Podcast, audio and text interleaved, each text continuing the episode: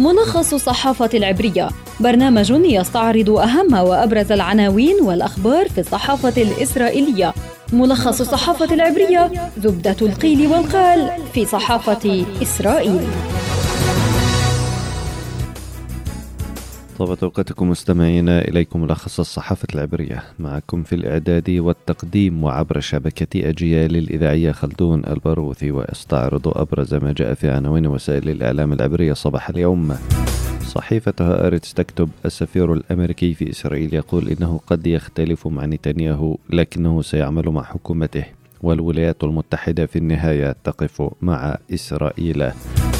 ونتنياهو قد يعلن عن تمكنه من تشكيل حكومة بدون مهلة جديدة ليتجنب تقديم شركائه مطالب جديدة. عن ذلك تعنون يدعوت أحرونوت الإقرار السريع لقوانين جديدة مستمر ونتنياهو سيعلن عن تشكيلة الحكومة.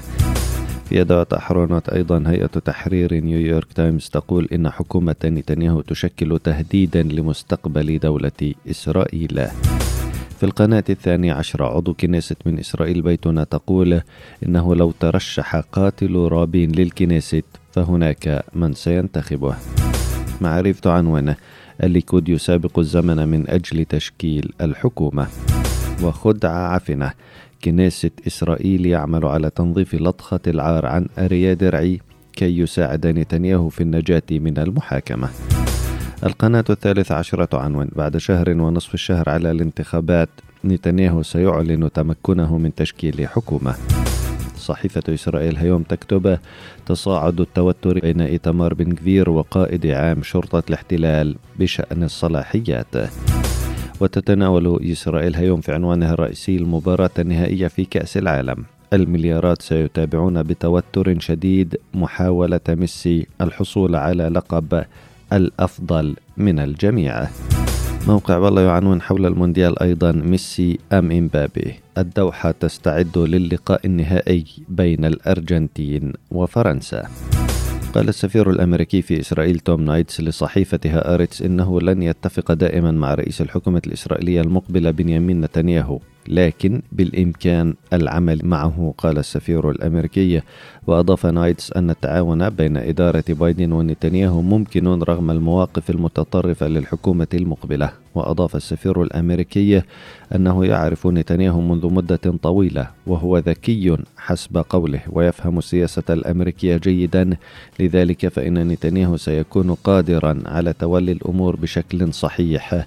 هكذا يتوقع السفير الأمريكي في إسرائيل. بالمقابل كتبت هيئة التحرير في صحيفة نيويورك تايمز مقالا اعتبرت فيه أن حكومة نتنياهو المقبلة تشكل تهديدا لمستقبل دولة إسرائيل ولتوجهاتها ولأمنها وحتى لفكرة الوطن القومي لليهود. واعتبرت هيئة تحرير نيويورك تايمز أن حكومة نتنياهو هذه ستضم إتمار بن غفير الذي أدين عام 2007 بتهمة التحريض على العنصرية ودعم منظمة إرهابية وهذا سيصبح وزيرا للأمن القومي كذلك ستضم الحكومة بتسيل إيل سموتريتش الذي يدعم منذ مدة طويلة الضم الكامل للضفة الغربية وسيصبح وزيرا للمالية مع صلاحيات على الإدارة المدنية في الضفة الغربية. وهذه الخطوات قد تقضي نهائيا على حل الدولتين. وتنتقد صحيفة نيويورك تايمز الموقف غير الواضح للإدارة الأمريكية من هذا الوضع حتى الآن. نهاية حلقتنا من ملخص الصحافة العبرية أعدها وقدمها لكم عبر شبكة أجيال الإذاعية خلدون البرغوثي. تحياتي إلى اللقاء.